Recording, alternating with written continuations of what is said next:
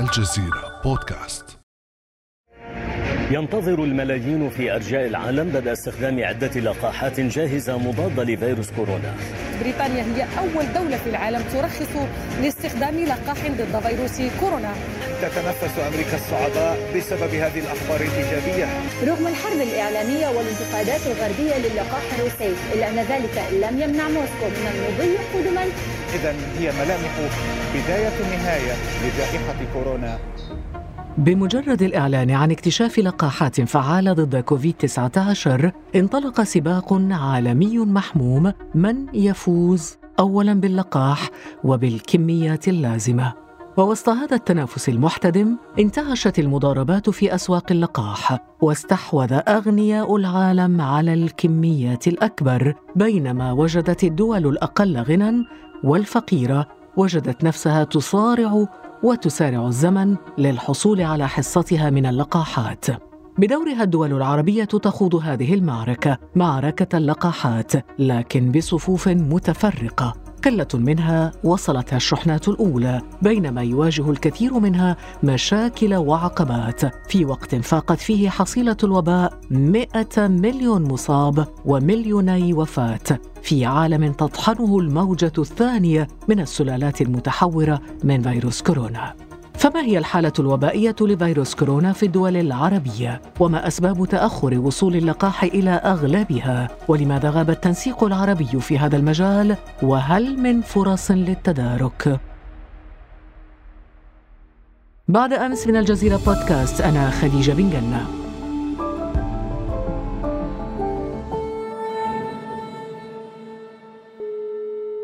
يسعدني أن ينضم إلينا في هذه الحلقة وزير الصحة التونسية السابق الدكتور عبد اللطيف مكي صباح الخير دكتور عبد اللطيف صباح الخير واهلا وسهلا بكم وبكل السادة المستمعين. دكتور عبد اللطيف مكي لنبدأ اولا من الوضع الوبائي حاليا في الدول العربية، كيف تصفه؟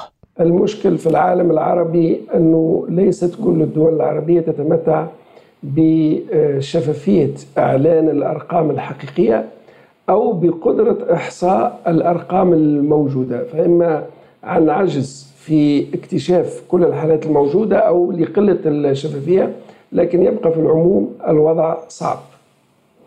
يعني بالنسبة للعالم العربي إحنا رأينا أنه في الموجة الأولى كانت هنالك أضرار كبيرة في العديد من الدول العربية وفي الموجة الثانية كذلك الدول التي لها منظومات شفافة في إعلان الأرقام الأرقام عالية وأرقام الوفيات عالية بل وصلنا إلى حالات آه، إنسانية آه، يعني سيئة جدا من نوع وفيات آه، مرضى لفقدانهم الأكسجين.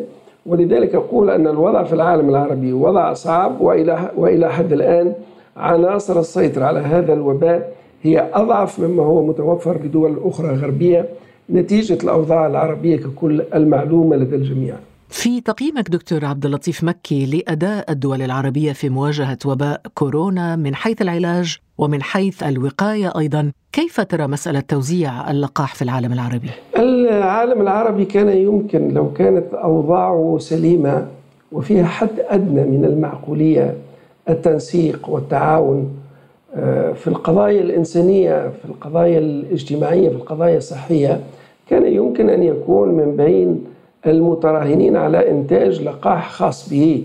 العالم العربي له ثقافة وتاريخ كبير وعميق في مجال الطب ونحظى اليوم بكفاءات عالية وبمؤسسات بحثية في العديد من الدول العربية التي لها القدرة على إنتاج هذه اللقاحات. ولو كانت هنالك إرادة سياسية لتشكل فريق من ثلاثة واربع دول عربية ليقود هذا المشروع إنتاج لقاح في البلدان العربية. ولكن للأسف بقينا متفرجين لم يقع حتى مجرد التفكير في التعاون لإيقاف جائحة كورونا. فما بالك بإنتاج لقاح؟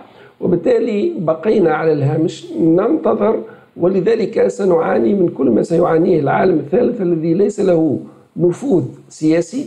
ولا قدرات مالية كبيرة لكي يقتني اللقاحات في الوقت المناسب. اليوم آه، ما عدا بعض الدول العربية آه، التي حصلت على بعض اللقاح إما نتيجة علاقاتها بلوبيات آه، موجودة في الدول المنتجة أو بقدرة مالية كبيرة حصلت على بعض اللقاحات لكن أغلبية الدول العربية لم تحصل عليه.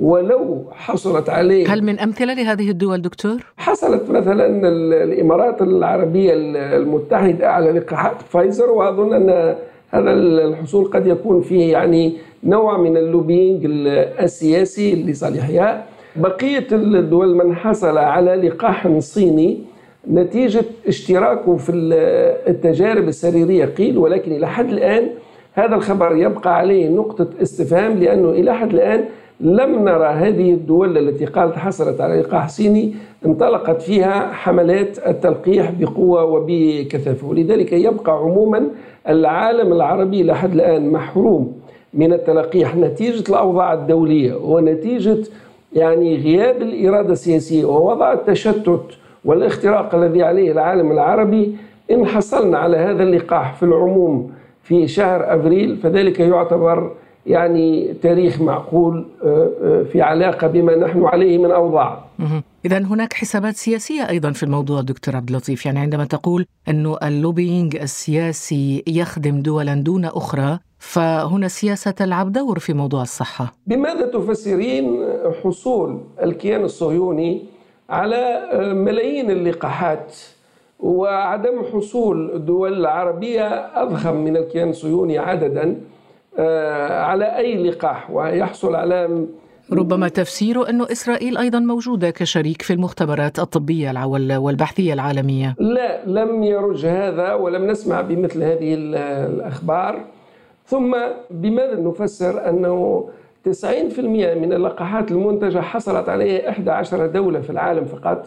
بماذا نفسر أن الاتحاد الأوروبي بالأمس آه، لمح إلى إمكانية حظر آه، آه، يعني تصدير اللقاحات. هنالك نفوذ سياسي ولابد أن نفكر مليا في قوانين دولية تفرض عدالة توزيع المواد الاستراتيجية خلال الأزمات الإنسانية والصحية. نعم. إذا 11 دولة في العالم تستحوذ على 95% من اللقاحات الخاصة بكوفيد 19 إنسانيا وأخلاقيا ماذا يعني هذا دكتور؟ يعني هنالك فقدان للضمير هناك أزمة أخلاقية. لم تتجلى فقط في موضوع اللقاحات بل تجلت حتى في موضوع الأغذية. دول تتلف الأغذية ودول أخرى يموت شعبها نتيجة الأغذية. ولذلك علينا أن نشتغل على ضمير عالمي جديد يرتكز على مبادئ أخلاقية إنسانية حقيقية تحقق نوع من العدالة آه، في العالم.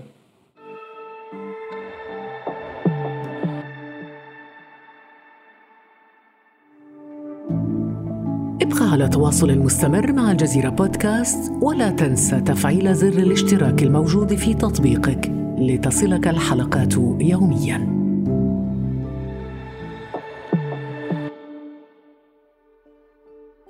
دكتور عبد اللطيف مكي قبل قليل ذكرت انه هناك حالة من التمزق أو التفرق أو التشتت بين الدول العربية يعني هي ليست على قلب رجل واحد في طلب اللقاح وتوزيعه كيف تفسر لجوء اذا كل دولة عربية على حدة لاقتناء اللقاحات ومن شركات مختلفة كما حصل في مصر وفق تصريح وزيرة الصحة المصرية هالة زايد؟ لكن دعنا أولا نستمع إلى تصريح الوزيرة المصرية ثم نعود لتفكيك وتحليل ومناقشة أسباب هذا التمزق العربي في السعي إلى اللقاح.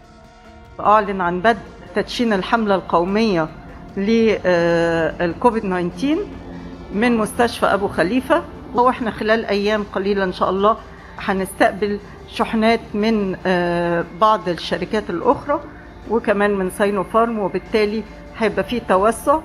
إذا دكتور عبد اللطيف واضح أن كل دولة عربية تسعى بمفردها إلى الحصول على هذا اللقاح ومن دول وشركات مختلفة، كيف تفسر هذا الأمر؟ هذا يفسر بما في ما عليه العالم العربي اليوم من صراعات ومن تمزق.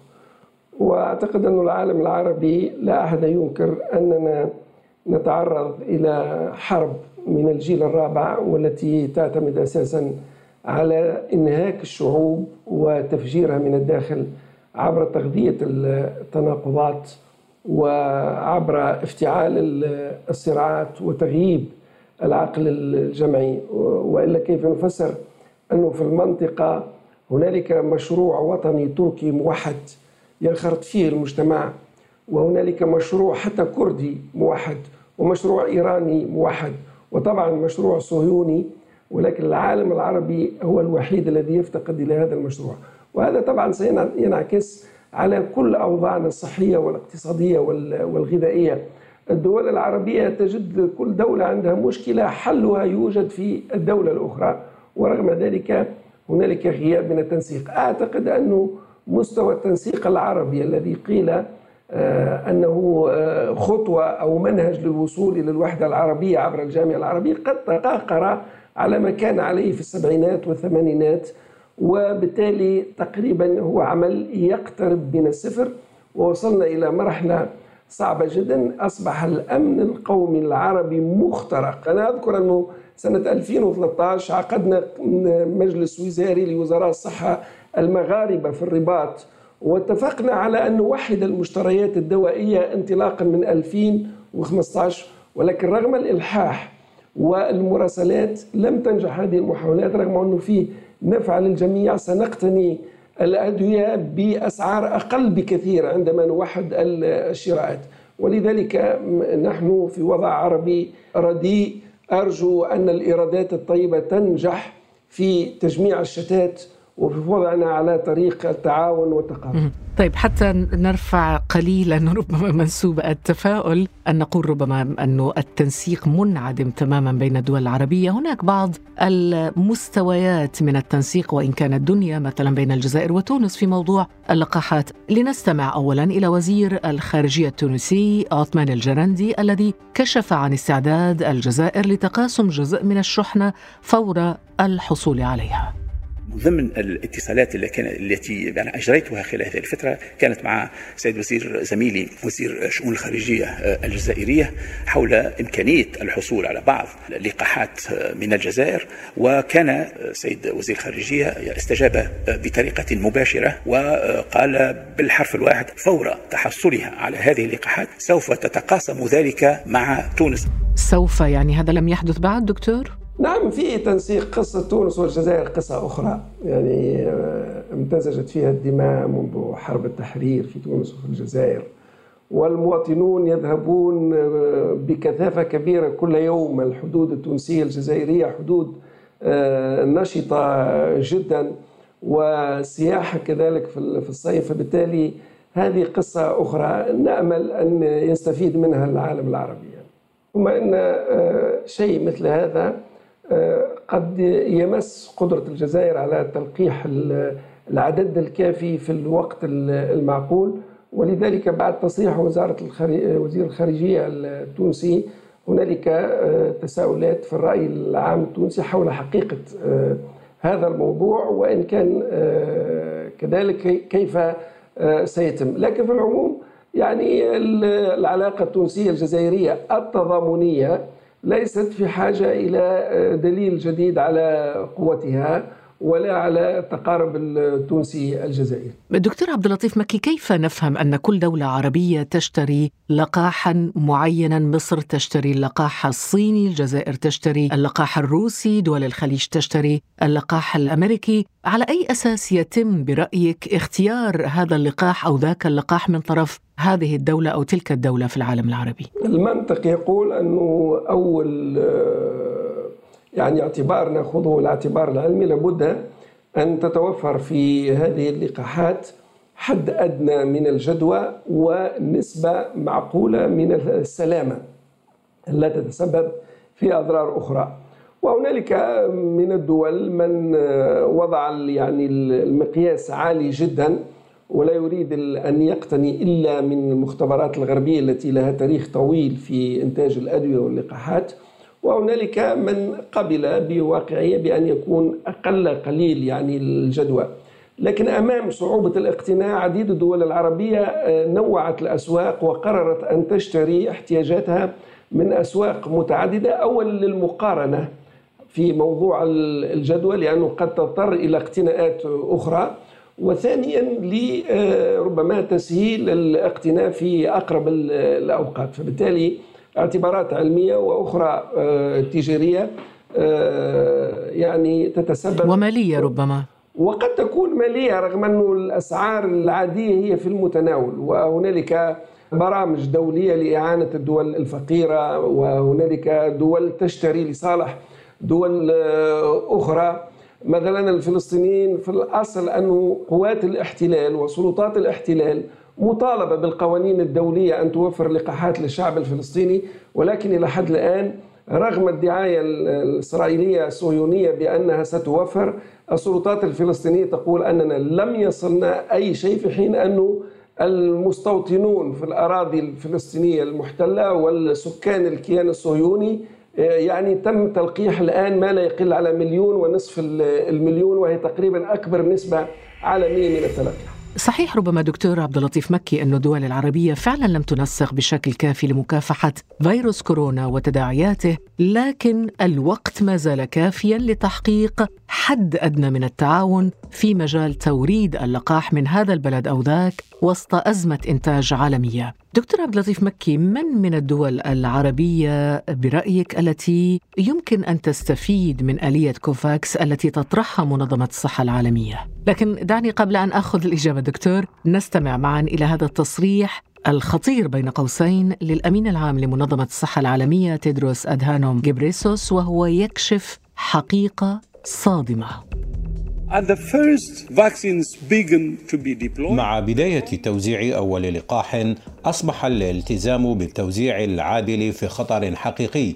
أكثر من 39 مليون جرعة من اللقاح تم توزيعها على الأقل في 49 دولة غنية.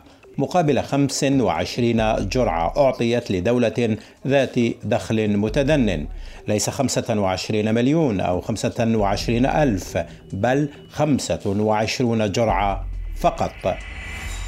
تخيل دكتور عبد اللطيف مكي أنه يعني مدير آه، منظمة الصحة العالمية يقول أنه في بلد واحد من البلدان ذات الدخل المنخفض فقط 25 جرعة أعطيت للمصابين بكورونا مش 25 ألف ولا 25 مليون 25 جرعة فقط هل من تعليق؟ ما رأيك؟ ربما لإعطائها لرئيس ذلك البلد وعائلته يعني فقط مدير العام للمنظمة العالمية للصحة كما هو كذلك الأمين العام للأمم المتحدة غوتيريس كلهم عبروا على أن كوفاكس هذا برنامج مشلول إلى حد الآن نتيجة عدم تجاوب الشركات المنتجة للقاحات لأنه كان من المفروض أن تنتج وأن توكل الإنتاج إلى هذا البرنامج ليتم توزيعه بعدالة.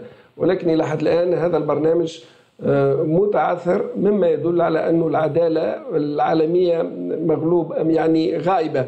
لأنه عندما تتزود دولة ب مليون جرعة هي لا تستطيع أن تعطي تلك الجرعات لا في أسبوع ولا حتى في شهر. وبالتالي يمكن أن تتزود ب 20 مليون فقط و80 مليون توزع على بقية دول العالم عندما تكمل تأخذ دفعة أخرى 20 مليون أخرى وبالتالي لا يتضرر أحد. وإنما هذه العشرات من الملايين من الجرعات تأخذها الدول القوية وتضعها في المخازن وهي ليست قادرة على إعطائها للمواطنين إلا خلال ثلاثة وأربعة أشهر آه، إذا مش آه، أكثر. دكتور عبد اللطيف مكي لو ختمنا هذه الحلقة بشيء من التفاؤل وبهذا الخبر القادم من ألمانيا ألمانيا التي قررت البدء في استعمال العلاج وليس اللقاح. الذي أنتجته شركة ميركل الامريكيه القائم على الأجسام المضادة وسبق أن تلقاه الرئيس الأمريكي السابق دونالد ترامب.